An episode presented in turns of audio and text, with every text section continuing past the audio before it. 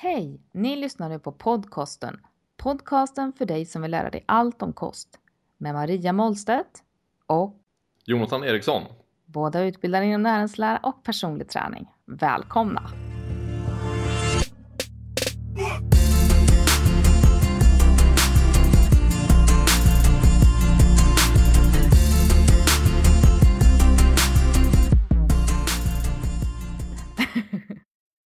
Är alkoholavsnittet igång. nu är vi på. Ja, härligt. Nu är vi på. Nu är linan spelas in eller vad man ska säga. Ja, men då välkomnar vi lyssnarna. Det gör vi. Välkomna allihopa. Tjo! Och ett väldigt somrigt avsnitt blir det idag kan man väl säga. Ja, ja, absolut. Det är redan över 20 grader ute, solen skiner. Ja. Och det känns som att eh, många klienter redan har börjat in, öka sitt intag av eh, diverse rosé och vin. Ja, när grillsäsongen är igång och solen skiner på kvällarna. det kanske, passar, det kanske kom väldigt bra det här avsnittet. Jag tror det. Ja.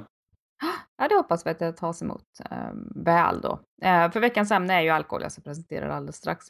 Men jag tänkte att vi börjar med att reflektera lite kring eh, hur du och jag, Jonathan, förhåller oss till eh, alkohol. Kan inte du börja? Ja, Absolut. jag är lite tråkig, så börjar du. Alltså, jag kan ju säga att jag är absolut ingen stordrickare. Eh, till och med så på att jag eh, på senare tiden har försökt att öka min alkoholkonsumtion. Så det, jag dricker lite mer frekvent än vad jag gjort eh, tidigare. För att eh, min favoritdag är ju snart runt hörnet, midsommar. Ah. Och eh, då vill man ju kunna ta några snabbt till maten utan att däcka. Och jag kanske dricker normalt sett kanske, jag kanske tar ett glas whisky någon gång i månaden eller något sånt. Mm. Eh, Så att jag har ju en tolerans som en 12-årig flicka ungefär. Är du finsmakare? Alltså, Absolut. du tycker det där är Eh, gott? Liksom. Jag tycker det är fantastiskt gott. Mm.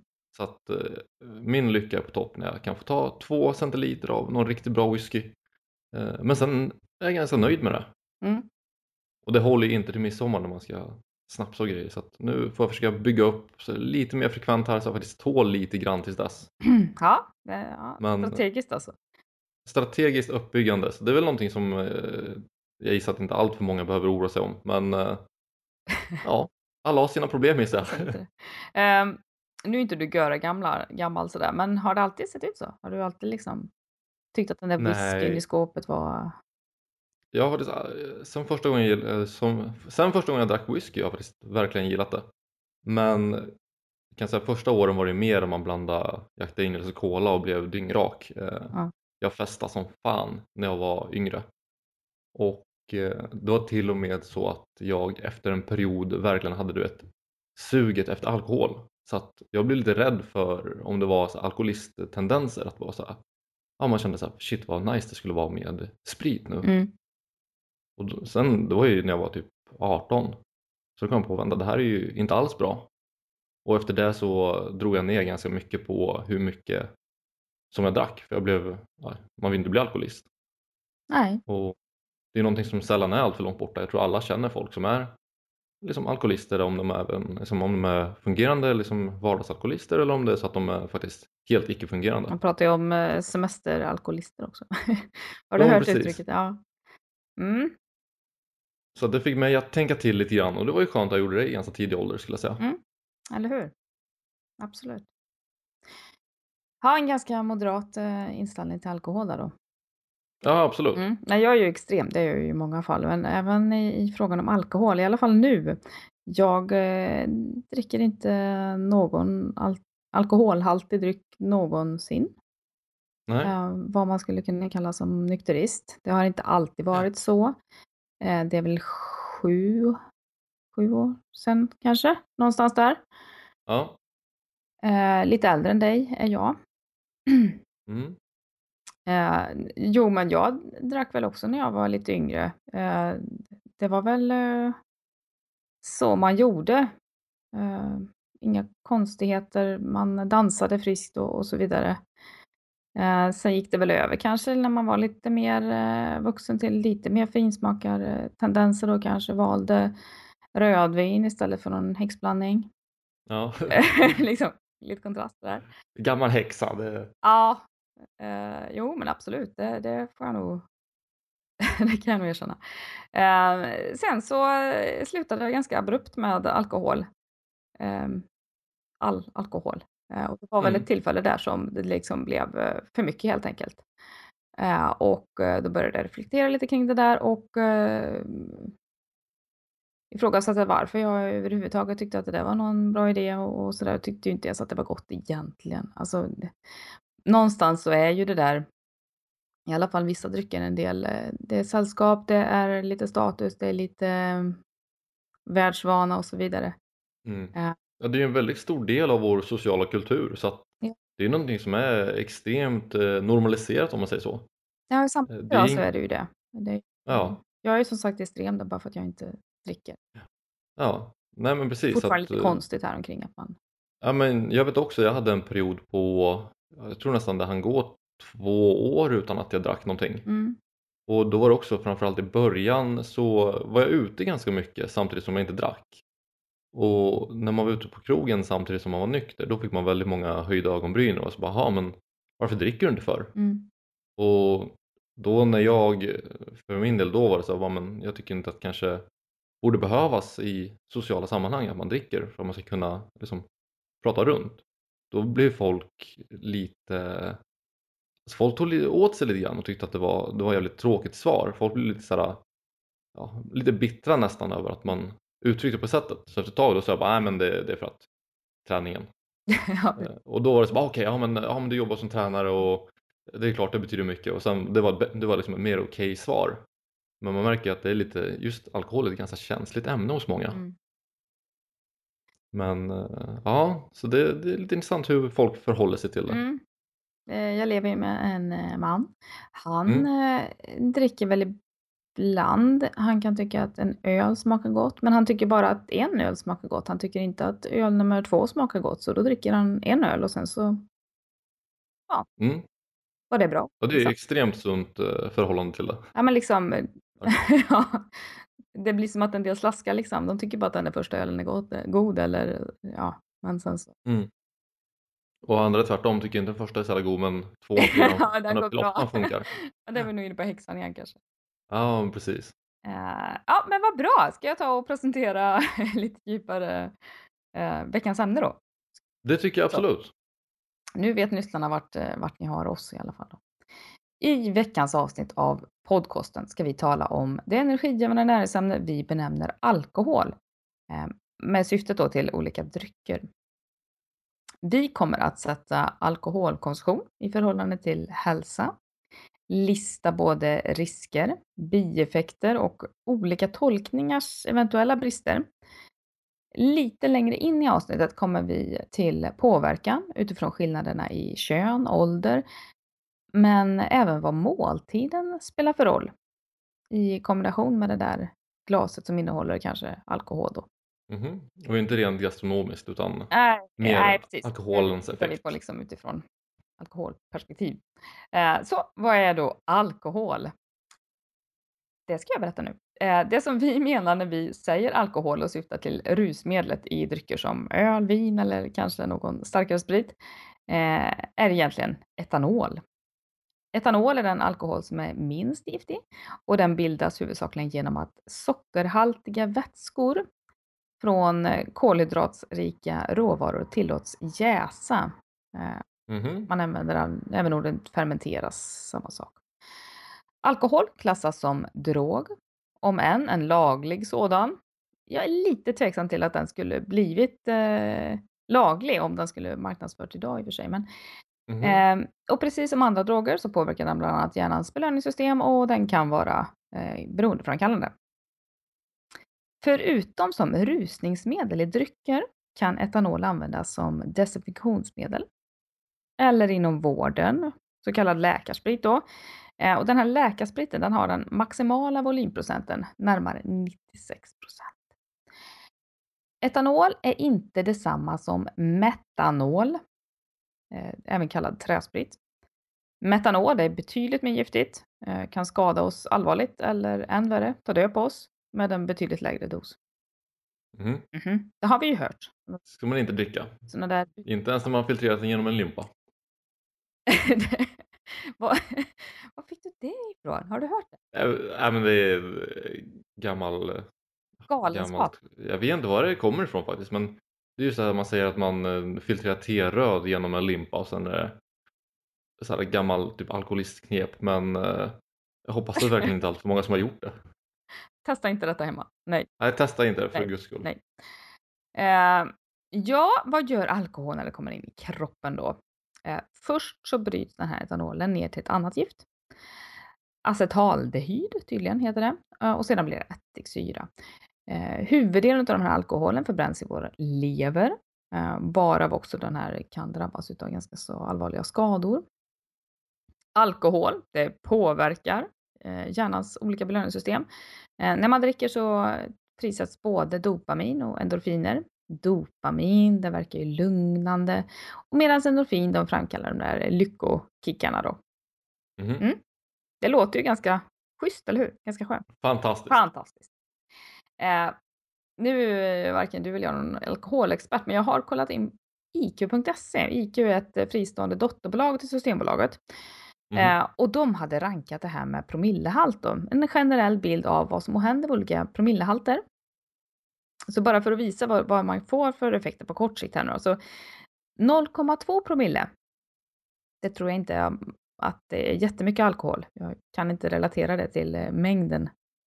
Eh, men det är då den första alkoholeffekten märks. Man känner sig lite varm, avspänd, väl till mods. Eh, man blir inte lika självkritisk. Känner vi igen. Jag hoppar lite i listan här. Om vi kommer upp till 1 procent, en promille, förlåt, promille ska det vara, inte procent. Eh, då börjar man sluddra. Eh, man är sämre på att kontrollera både muskler och känslor. Eh, 1,5, nu börjar det bli svårt att hålla balansen. Man druttar omkull. Eh, man kan räkna med lite känsloutbrott. Ja. Eh, illamående. Uh. Illa. Usch. Usch ja. Eh, om vi dubblar dosen här nu då, eh, 3 promille. Eh, du uppfattar inte vad som händer och sker. Du är alltså på gränsen till medvetslös. Och 4 promille, då är man generellt sett medvetslös helt enkelt. Man andas långsammare och här riskerar vi då alkoholförgiftning. Mm. Det där slutar tråkigt helt enkelt. Då blir det riktigt tråkigt. Det kan hända tråkiga saker på vägen eh, ändå, men, men då blir det ju så definitivt. Om vi ska säga. Absolut. Sen har vi det där med riskbruk och missbruk. eh. Vad, vad säger du om det lite grann här? Vad, vi får ju ofta med jämna mellanrum höra att vissa typer av alkohol i måttliga mängder skulle kunna vara hälsofrämjande. Men eh, ja, Ja, jag tror att så som med allting så är det dosen som gör giftet. mm, Och dricker man lite grann, som till exempel mina två centiliter. Jag är helt säker på att det inte bidrar med någon ökad risk till någonting i stort sett. Eh, Men samtidigt så är jag osäker på hur mycket bra det faktiskt bidrar med också förutom att det faktiskt smakar gott. mm, Samtidigt så kan det också sänka liksom kortisol och stresshormon eh, när man dricker liksom en liten mängd vilket kan vara kanske till och med nyttigt för någon som har liksom varit väldigt stressad.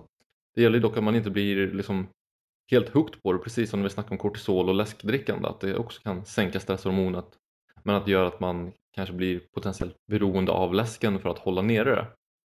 Och när man kollar på olika studier kring alkohol så kan man ofta se att folk som dricker, nu snackar vi om små glas här och Mm. inte liksom stora halvlitersglas. nej precis. Men ett glas för kvinnor, två glas för män generellt sett brukar man säga. Av svagare drycker, typ öl, vin. Är, ja, verkar vara hälsofrämjande. Liksom. Mm. Snarare sagt att någonting som är direkt farligt. Mm, Men det som man också kanske måste tänka på det är att de som dricker ett eller två glas om dagen det kanske inte är så mycket för att de dricker alkoholen i en sån måttlig mängd utan för att de kanske vet hur man lever med måtta överhuvudtaget. De kanske liksom tränar på en lagom nivå, äter sunt på en lagom nivå ja, medan folk som har tendens att eh, binge-dricka och liksom verkligen mosa i sig kanske har svårare, svårare med det här med eh, måttlighet. Så det kanske är så att de äter onyttigare, liksom, eh, rör på sig på liksom mindre rimliga nivåer och så. Så det kanske har mer med mindset att göra snarare sagt än vad man konsumerar. Och det är någonting som är väldigt svårt att eh, faktiskt eh, Exkludera. avgöra. Ja. Precis, om man inte hittar den exakta liksom, mekanismen i kroppen som gör att man får hälsofrämjande effekter av alkoholen. Och där är vi inte riktigt ännu. Nej, det kommer ju nya hela tiden. Jag hittade en, enligt en kunskapsöversikt som Statens eh, folkhälsoinstitut, finns ju ett sådant, Mm. eh, tagit fram så ger alkohol inga positiva hälsoeffekter överhuvudtaget för personer under 40 år. Man har alltså dragit Nej. ett eh, åldersstreck här. Eh, sen har man inte, eller jag har inte grävt i vad man definierar som hälsoeffekter då, men ehm, den där skyddande effekten av alkohol, eh, den är ju lite osäker och den skulle då i sådana fall eh, främst gälla äldre. Mm. Det är också lite lustigt, men som sagt, det är ju jättesvårt att, förmodligen för forskare att exkludera hela våran livsstil och vad vi gjorde innan och erfarenheter och så vidare för att komma fram till vad det där glaset gör eh, på lång Jo, sikt. precis. För där har man ju haft mycket teorier när det har varit kring vin och som är resveratrol och andra ämnen som kommer med alltså från vindruvan i sig, inte alkoholen utan sånt som liksom följer med. Och jag tror alla vi har sett olika härliga rubriker, så, ah, ett glas vin är bättre än att träna en vecka Mhm, och allt vad folk gärna slänger upp mhm. utan så mycket eftertanke. Men eh, så det är lite svårt att säga vad just som är eh, på grund av alkoholen och vad som är av andra ämnen som kommer med alkoholen. Mm. Så att eh, jag skulle vilja säga att om man inte dricker alkohol så är det inte så att man behöver börja dricka alkohol för att försöka nå den optimala hälsan utan då kan man nog nöja sig med att man faktiskt inte dricker det. Medan om man dricker mycket alkohol så kan man definitivt sänka sin konsumtion till ett, två glas Mm. Små glas. och precis och faktiskt eh, kanske se en liksom, positiv effekt. Mm. Och samtidigt som jag ska också säga att de som dricker ett eller två glas om dagen inte kanske behöver tänka så mycket på förändring överhuvudtaget utan de kanske ligger på en ganska bra nivå. Mm. Så att eh, det är inte liksom en jätteviktig del av livet att ändra så att säga. Eller så köper man eh, ekologiska vindruvor eller russin. Och får i sig mer gifter. eller vad? De var Eh, ekologiska sa jag ju. Kravmärkt där. Ja, ja. Ja, man såg att... De som har eh, växt i egna växthuset där hemma va? Ja, precis. Odlar man dem själv, absolut. Eh, jag tänkte just det kom upp i veckan att eh, ekologiska russin innehöll mer ämnen från eh, mögel. Ah. De, Mögelsporer verkar- alltså. Ja, okej. Precis. Så att, Ja, det är inte lätt ja. att göra rätt. Nej, Nej, nej, absolut inte. eh, vi lämnar det. Vi får ta det någon annan dag. Ja. Missbruk. Missbruk. Nio, nio av tio svenska vuxna människor dricker alkohol. Mm. Eh, De flesta är ju i måttlig dos. Mm. Eh, Men det finns också eh, x antal som dricker så pass mycket att man riskerar att ta skada faktiskt. Mm. Och då är man ju inom den här zonen för vad som benämns som riskbruk då. Ja. Eh, alkoholberoende, det är någonting annat. Det är ju en sjukdom Mm. eh, som oftast utvecklas under lite längre tid. Ehm. ja, vad ska man säga om det? Ska vi gå in på, på de här riskerna, i, i, eller riskerna, de här konsekvenserna som eh, ett eh, högre intag av alkohol kan få på kroppen? Absolut. Jag är tillbaka på ike.se. De listade det väldigt, väldigt bra. Eh, hjärnan.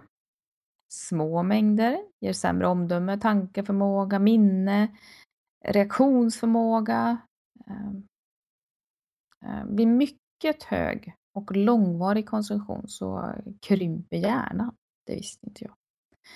Finns en risk för epileptiska anfall, demens och så vidare. och så vidare.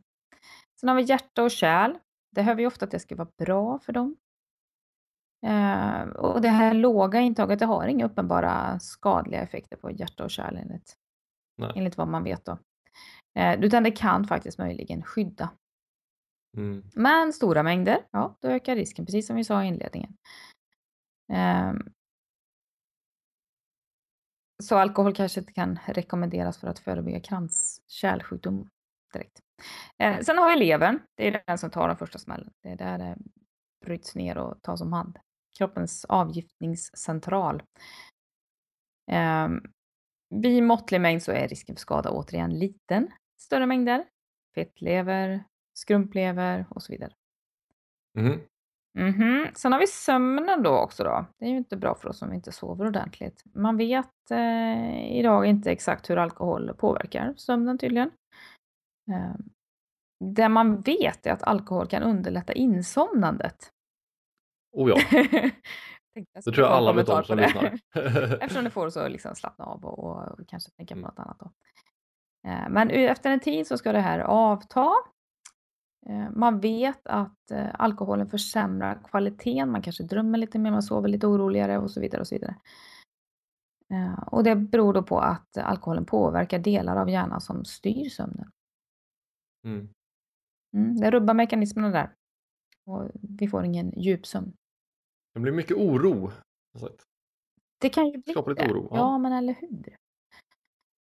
Eh, Sen får man ju inte glömma då att alkohol kan ju även påverka andras hälsa, inte bara vår egen. Vi, har ju, vi lever ju i sammanhang. Mhm. Eh, familjen, eh, trafikolyckor, ökat våld kanske. Otäcka saker. För den som dricker för mycket och kanske för ofta. Ja, det är där man har också skillnaden mellan ja, missbruk och bruk.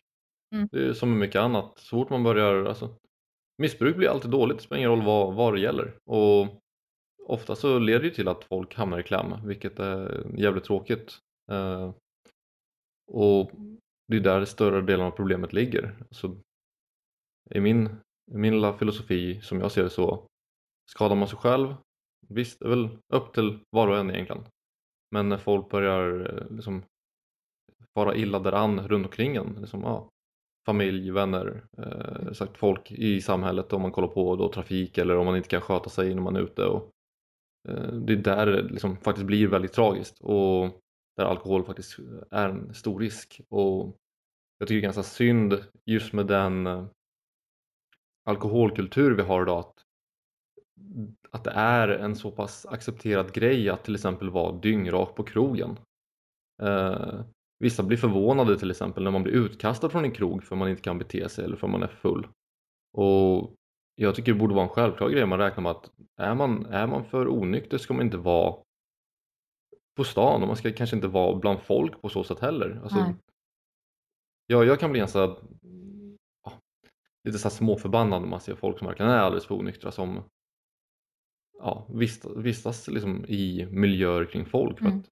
det drar ofta ner, det, jag kanske låter som ungefär jordens tråkigaste människa i vissa öron just nu. Men det drar ofta ner generellt sett stämningen liksom, i miljön. Eh, liksom, man ska inte behöva en full clown att skratta åt för man är ute. Liksom. Nej. Eh, då det faktiskt är en stor risk för både personen i sig och folk runt omkring. Ja, jag, jag håller med dig. Där vi också, kan man komma in lite grann på just vanliga varningsflaggor för Mm. vad som gör att man faktiskt löper ökad eh, risk för att bli alkoholist. Mm. Och en av dem är ju faktiskt att man inte kan kontrollera hur mycket man dricker och man har en tendens att dricka mer, mer, mer, mer, mer tills man inte längre kan bete sig eller som blir dyngrak. Och där har vi, om man kollar på bara så här universitetskultur, hur många som har pluggat på universitet vet inte liksom hur deras eh, fester går till och liksom är ju ofta en otrolig alkoholhets. Ja. Eh, Just att alla ska dricka mer. Och det kan ju vara för någon som har till exempel genetiskt anlag som en annan risk eh, för att man ska bli alkoholist. Så kan ju det verkligen vara en eh, väldigt eh, risig liksom, trigger för ja, alkoholismen. Just om man, ja, man har genetiskt anlag för det och så blir man hetsad till det under flera års studier. Ehm, jag tror att det kan förstöra folk, folk folks möjligheter liksom, för att göra bra ifrån sig i samhället och ja, leva ett bra liv. Och sen en annan av de vanliga riskerna då, det är om man gillar smaken av alkohol i sig. Vissa tycker att alkohol smakar vidrigt Mhm. och andra tycker att spriten i sig är god. Eh, Det är som man kan dricka vodka och tycka ja men fan det här är ju smarrigt. Ja? Medan andra skulle spotta liksom på backen och hata smaken. Mm. Så vet man med sig att man har folk i släkten som är alkoholiserade och man gillar smaken och man har problem att faktiskt bryta sitt drickande när man tycker man har fått i sig. Liksom när man är salongs, har man problem att sluta dricka då, då kanske man faktiskt ligger på i riskzonen och att man eh, faktiskt borde tänka över sitt drickande ännu mer. Är det värt att ta den där första ens en gång? Eh, Mm. och, ja, det är lite svårt, svårt ämne att diskutera just för att det är så pass accepterat i eh, samhället som det är. Ja, det, det är säkert svårt för de som är, befinner sig i riskzonsgränsen att faktiskt hårdra det och, och det är inte säkert att man får det där stödet runt omkring. Nej, jag vet vissa bekanta som har de har liksom fått den rollen i deras sällskapskrets om man säger så. Som att de är den fulla galningen som gör att de andra har någonting att skratta åt egentligen. Alltså de får en väldigt kostsam clownroll i stort sett. Mm. Och om de inte går in och tar den rollen så blir de istället sedda som tråkiga och eh, de fyller liksom inte sin funktion i sällskapskretsen riktigt. Och det, det kan ju vara svårt också, så här, bryta sig, ska man behöva bryta sig loss från en hel sällskapskrets bara för att man inte kan fylla en roll som man har fått för man inte kan liksom, ta hand om sig själv om man säger så. Nej, det, Det kan, det kan bli väldigt liksom, tragiskt, ja, mörkt.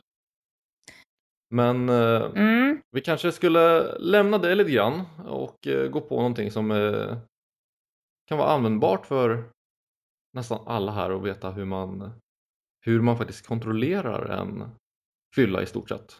ja, shoot. Vi har alkoholkonsumtionen då Ja. och hur man påverkas av måltider där omkring. Man vet att många kanske dricker på tom mage, det är vanligare hos tjejer än vad hos män. Mm, Men eh, det går ju även liksom beroende på vad man äter att kontrollera ganska mycket på hur man eh, tar upp alkoholen och hur snabbt det går ut i blodet. Dricker man på tom mage så går det snabbare genom magsäcken och även snabbare ut i blodet. Så då kan man få en riktig så här, dunderfylla eh, ganska snabbt. Däremot har du en redig måltid i magen så kan du dra ner så man bara tar upp ungefär 70% av alkoholen. Eh, och då liksom tas det upp mycket långsammare så då kan man kontrollera liksom, ruset på ett annat sätt om Mm. man säger så. Och ska man verkligen gå all in om man känner sig okej ikväll kommer bli liksom en kväll vart jag kommer dricka för mycket men jag vill inte liksom ja, börja bete mig illa och liksom bli dyngrak direkt. Käkar man då riktigt mycket protein, alltså man kanske håller sig till ja, vi säger kyckling, kött, eh, mycket protein helt enkelt. Då kan man dra ner så att man bara tar upp ungefär 40% av den här alkoholen. Det är ganska lite. Så på så sätt kan man verkligen eh, liksom dra ner på skadan som sker av den. Man kan alltså få i sig större volymer utan att man blir fullt så dyngrak. Och det har ju med att levern kan bara bryta ner ungefär en viss mängd hela tiden. Så bara för att du ökar konsumtionen mycket så börjar inte levern arbeta snabbare igenom det utan den kommer liksom maxa ut på en viss nivå. Och därefter går resten ut i liksom blodet som eh, ja, vad blir det? Alkohol? Blod? alkohol, Ja. Mm. Jag tappar ordet för det. Ja. Men, men det går ut i blodet i alla fall. Och, eh, så genom att göra så det går långsammare genom magsäcken och så så kan man låta först eh, liksom metaboliter i, eller enzymer snarare sagt, i eh, magsäcken låta dem gå in och börja bryta ner alkoholen redan i magsäcken innan de går ner i tarmen. Och sen i tarmen också gå långsammare ut så att levern hinner med att bearbeta mer och mer av alkoholen innan det faktiskt når ut helt i blodet. Mm. Så om man, om man faktiskt vill liksom klara sig en lång kväll vart man vet att det kommer drickas utan att man vill bli dyngrak eller liksom känna av allt för mycket så är tipset att äta riktigt mycket protein. Eh, Ja. Eh, jo, men så, är- så är det väl. Eh, kroppen eh, fokuserar på att bryta ner det här giftet först och främst. Det får vi väl Ja. nämna också att det- är ju liksom all in på det där. Det ska vi ta bort snabbt som attan. Um, absolut. och då tenderar ju också vår fettinlagring att öka. Ja, oxidationen av både fett och kolhydrater dras ju ner drastiskt Mm. och även protein. Mm. Så att kroppen kommer ju inte prioritera att bränna bort fett och kolhydrater eller protein medan vi har det här giftet i oss som måste bearbetas och brännas ner. Problemet blir också det som du säger att äter man någonting under tiden man har alkohol i systemet så kommer det lagras snarare sagt än förbrännas. Mm. Så att eh, jag tror alla vet hur mycket också den här vad jag brukar kalla don't give a fuck faktorn eh, som liksom spelar in. När man dricker så bryr man sig mindre om allting. Ja, så man, en tappar ju omdömet liksom. Det var precis som Ja. du sa förut. Precis, och då blir det lättare om man äter onyttigt. Den där kebaben eller pizzan kanske Mm. känns jävligt mycket mer lockande i slutet av kvällen än vad den hade gjort annars. Trycker man då i sig en massa snabbmat medan man är alkoholpåverkad så kan man inte räkna med att det går så mycket till att göra någonting ny- nytta utan det kommer sätta sig som fett i stort sett. Mm. Eh, Medan alkohol i sig sparas aldrig som fett utan det kommer alltid prioriteras till förbränning. Ja, det ska bort. Eh, Ja, Så är det. Eh, något som är lite kontroversiellt då med tanke på alkohol, det är väl mycket som är det kanske, men gravida och, ammande, alltså, vi pratar kvinnor här, mm. så har man ju sett, forskare har sett då att har kunnat påvisa att, att fostret faktiskt påverkas av modern om hon dricker alkohol när man är gravid. Det är Mm. inte så jättekonstigt kanske då, med tanke på att det går ut i blodet och sådär. Absolut. Eh, och fostrets hjärna då förefaller vara särskilt känsligt för det här berusningsdrickandet då. Mm. Eh, Så därför avråder man ju från, från alkoholkonsumtion under graviditet. Ja. När man ammar däremot då, eh, det är ju mindre farligt för barnet än under graviditeten. Mm. Barnet dricker ju mjölken, det dricker ju inte, får inte alkoholen direkt ut i blodet. Eh, Däremot så finns det forskning som visar att barnens eh, sömnmönster förändras. Alltså direkt. Mm. Sen har vi ju indirekta effekter. Alltså hur lämplig är du om, om säg att du dricker två eller tre glas vin liksom. Ja. Hur, hur, ehm, hur bra kan man ta hand om sitt barn? Ja, ja det, där, det där är nog ett eh, extremt känsligt ämne skulle jag säga. Mhm. Eh, men eh, vet du, var det där med sömnen, var det alltså verkligen direkt, direkt på grund av alkoholen eller på grund av att kanske det blir så att morsan är uppe längre och liksom inte lägger barnet eh, samma tid eller något sånt eller har det liksom med det Eh, faktiska alkoholen i systemet eller har det med beteendemönstret kring? nej, det tänker jag inte eh, analysera i faktiskt. utan Det Nej. vet jag inte. Nej, för att som vi pratade lite om innan också så vad jag har sett när det kommer till amning och alkohol så verkar inte alltså konsumtion av alkohol under amning verkar ha en stor påverkan på bröstmjölkens alkoholhalt. Eh, som förstod. Alltså det var en extremt liten skillnad som jag förstod det. Men sen har ju självaste hur man beter sig och liksom vilken miljö, är en bullrigare miljö till exempel för barnet om det ja, fyra personer sitter och dricker vin och skrattar och har kul. Ja, Blir det svårare att sova då? Eh, Mycket möjligt troligtvis. Och lite Ja, sånt som kan absolut. påverkas. ja nej, det är säkert svårt att, att exkludera det ur ja, men den faktorn också då såklart. Ehm, på ungefär tre timmar så har ju ny mjölk bildats då. Så, så Mm. då är den liksom fri från den här alkoholen då.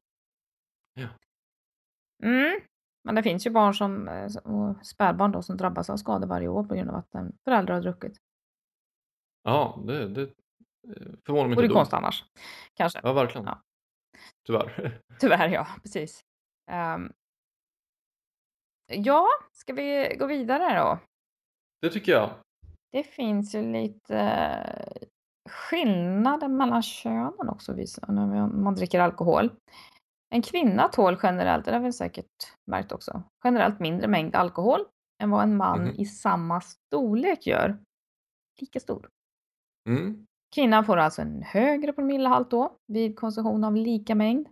Och detta är dels eftersom kvinnans kropp innehåller mindre vätska som liksom alkoholen kan spädas ut med, alltså koncentrationen blir högre.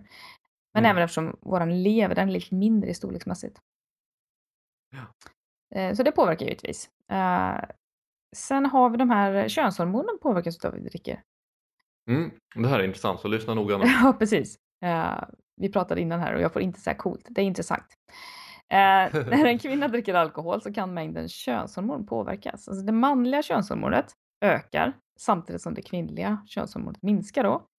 Mm. Eh, så därav, om man dricker väldigt, väldigt mycket över en lång tid så kan alltså vårt utseende påverkas. Du hade något fint ord för det, androgen. Androgent, precis. precis.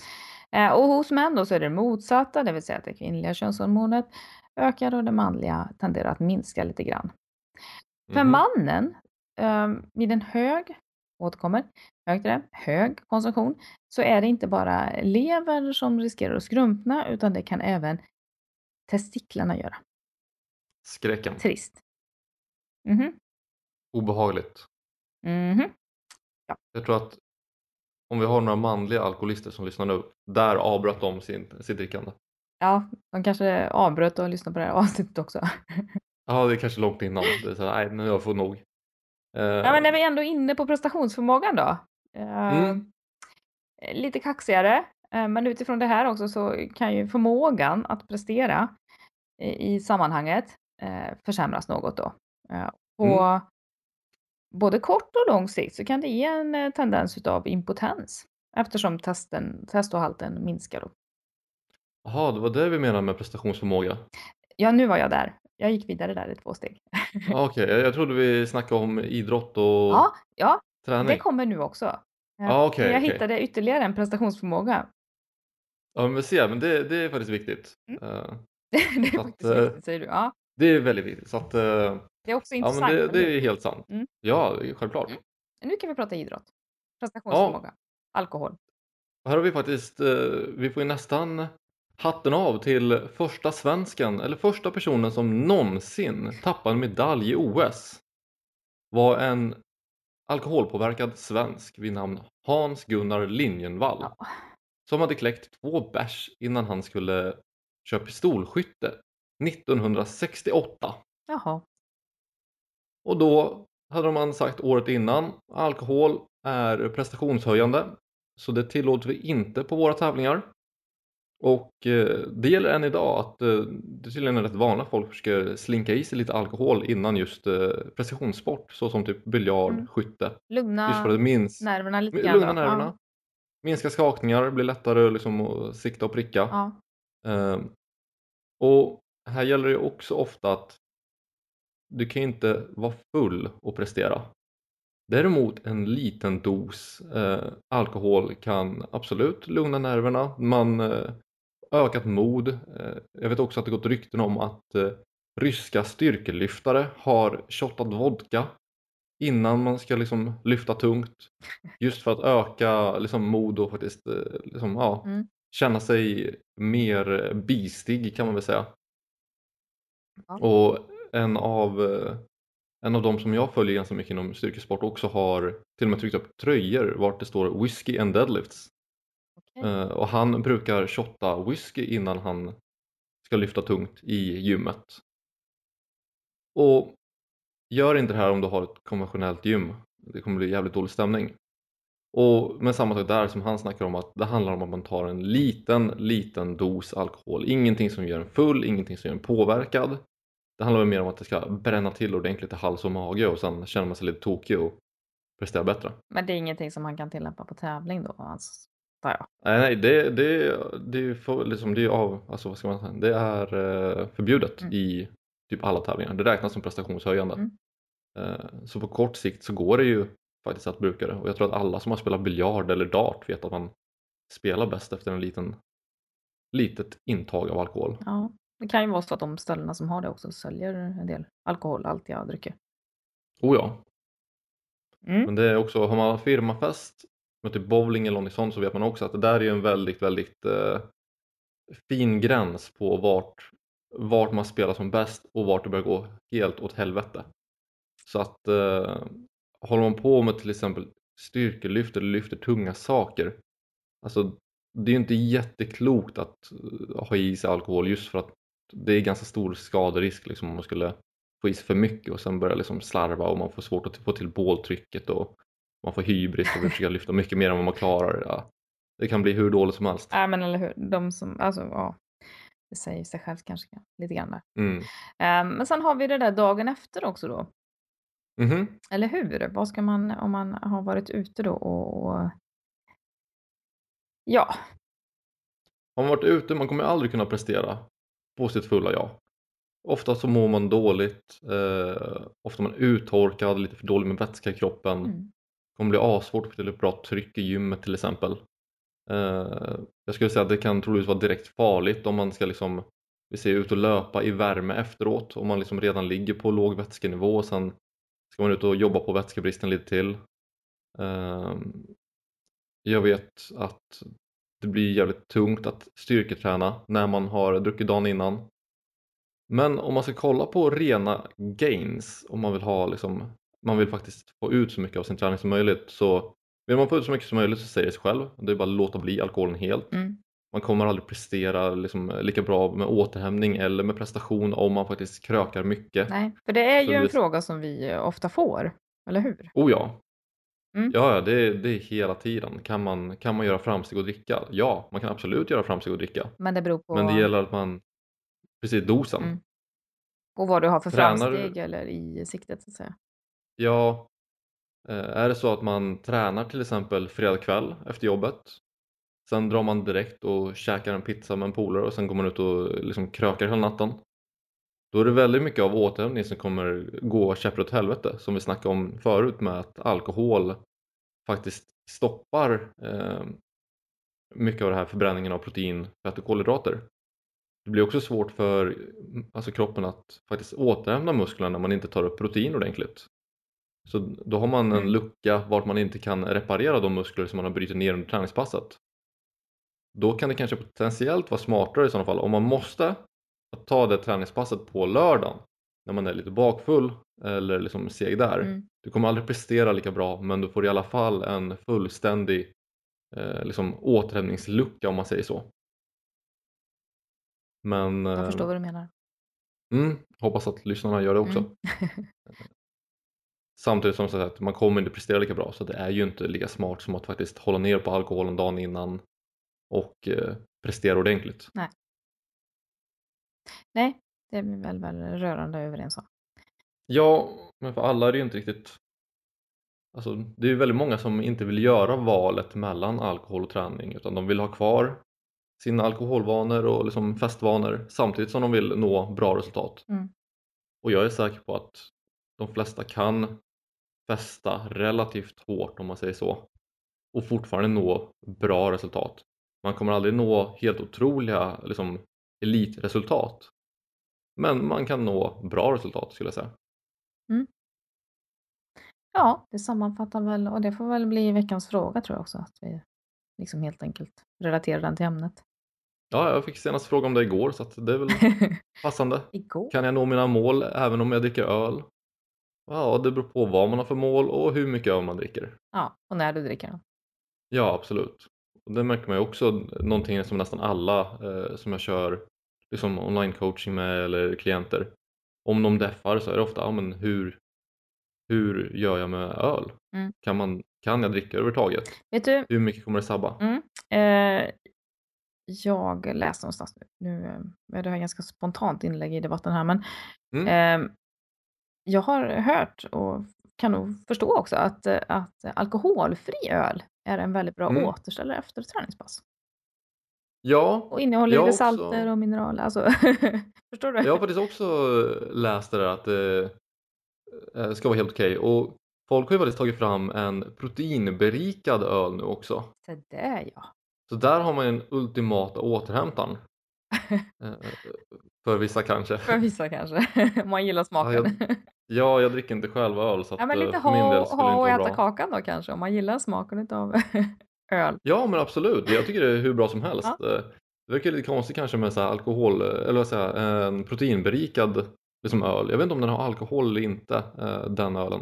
Okej. Men så här, gillar man känslan av att kunna liksom kläcka en bärs i bastun efter träningen då kan det vara hur bra som helst att få i sig lite protein samtidigt som man kanske håller alkoholen borta. Det får bli ditt svar nästa gång då, när du får frågan om man kan dricka öl och få det så. Jajamensan, Ja men precis. klart du får ska göra. att, Ta en eh, alkoholfri efteråt.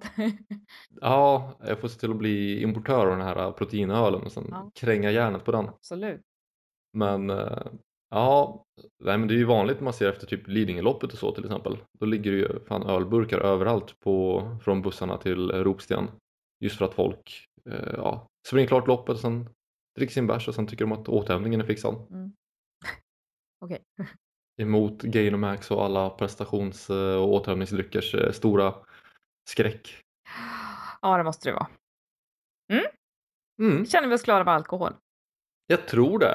Eh, kan vi bara hälsa alla att de ska dricka måttligt och ta det lugnt med den i I sommar och sommar. kanske alltid också. Ja, Mm. Eh, vi hoppas att gett er lite att och lyfta på ögonbrynen åt och, och kanske fundera kring då. Då ska jag ta och presentera nästa veckas ämne. mhm. Det kallar vi helt eh, kort och gott Så äter vi. Jajamensan. Och vi, det är du och jag Jonathan. Jag får en del frågor, bara, vad äter ni, hur mycket? Och det, det, det. Så, men vi tar väl och berättar det då. Inte därmed sagt att det är bra för någon annan att eh, copy-pasta. Men så äter vi helt enkelt. Ja, vi får det funka för oss. Och så det måste ju vara en av de vanliga frågorna som vi får också. Jag har liksom haft folk på lokala kaffeställen som säger så vad, vad, vad äter du? Jag vet exakt vad du äter. Mm. Du får inte berätta det utan det sparar du. Nej precis ja. men det är inte så att man skriver ner på ett papper bara jag tänkte lämna här vad jag äter. Du, du, du.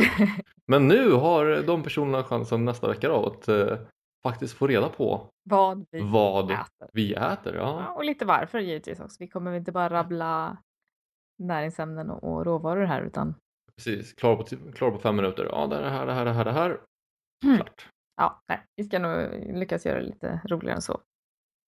Ja, det kan jag hoppas. Ni får jättegärna gå in på iTunes och ge oss lite stjärnor också.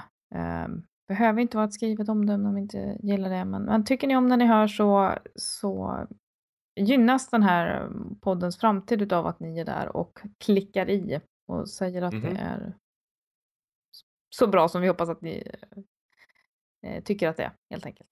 Ja. Och jag hör jättegärärna eh, er diskutera ämnet som vi pratar om varje vecka mm. på vår, i vår Facebookgrupp helt enkelt. Mm. För att det är alltid kul att se vad folk tar med sig för reflektioner och vad, vad som du tycker är bra i, i varje ämne. Mm. Liksom, eh, lär du någonting vettigt? Är det någonting som du har lite frågor kring? Någonting som är otydligt? Eh, Ta gärna upp allting. Har du någonting att tillägga kanske? Du kanske sitter på jordens eh, bästa punkt som vi har missat. Precis. Som du kan dela med dig av. För vi vill inte gärna mm. tro att det är så bra som, eh, som alla säger utan det måste ju finnas liksom Hallå, vad missar vi?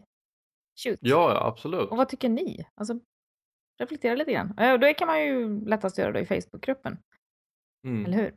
Ja, söker man bara på podcasten så dagens, dagens ämne tror jag är någonting som många kommer ha ganska mycket åsikter kring och eh, det vore jättekul att höra precis vad de åsikterna då är kring detta. Ja. Hur dricker ni om ni dricker? Ja. Varför dricker ni inte om ni inte dricker? Precis. Mm. Då får vi tacka för oss och denna vecka va? Ja, ja men det gör vi. Så hörs vi igen snart. Det gör vi. Ha det fint! Samma. Hej hej! Ni har nu lyssnat klart på podcasten. Podcasten för dig som vill lära allt om kost. Med Jonathan Eriksson och Maria Mollstedt. Gå in och like oss på Facebook på facebook.com podcasten. Glöm inte heller bort att recensera oss på iTunes eller Stitcher. Inte bara är det jätteroligt för oss att läsa din recension, utan det hjälper också, också att nå ut till fler med vår podcast.